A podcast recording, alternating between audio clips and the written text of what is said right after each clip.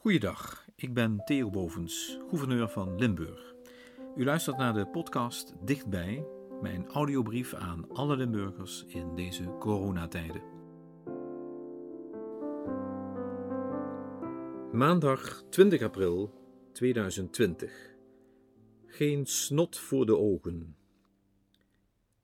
Het had de 55ste editie moeten worden. Een krooneditie waarin Mathieu van der Poel zijn vorig jaar zo spectaculair behaalde titel zou verdedigen. Waarin Tom Dumoulin deze zou proberen te veroveren. En Limburg zich weer van haar beste bloesemkant zou laten zien. Maar het mocht niet zo zijn. Deze krooneditie van de Amstel Gold Race werd een corona-editie. Virtueel, met elke renner thuis op zijn of haar eigen home trainer en toeschouwers enkel achter een scherm. Natuurlijk kon het niet in de verste verte tippen aan het echte werk. Van de mannen en vrouwen die zich het snot voor de ogen rijden. De opwinding aan de start in Maastricht en de finish in Vild. De dromme fans langs de weg. Maar toch, er gebeurde tenminste iets. Het liet ook zien dat we ons hoofd niet compleet hoeven te laten hangen. Dat je creatief op zoek kan naar alternatieven. Dat we ons door corona niet alles laten afpakken. Het is die mentaliteit die mij aanspreekt. Bovendien, in één bepaald opzicht was het natuurlijk uniek. En wel dat je als toerrijder nu zij aan zij met profs de Keutenberg of Kouberg kon bedwingen. Profs als Tom Dumoulin, Wout Poels en Joop Zoetemelk. Kom daar in het normale leven maar eens om. Die kans zal zich hopelijk niet nog eens voordoen.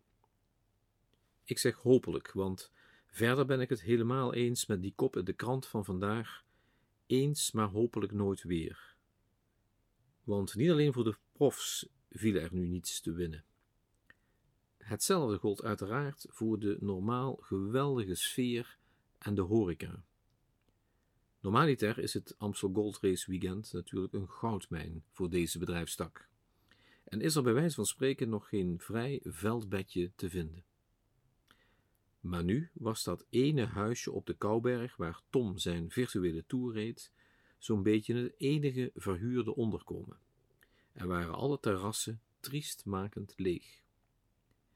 Gasvrijheid laat zich overduidelijk niet digitaliseren. Daarvoor is echt menselijk contact onontbeerlijk.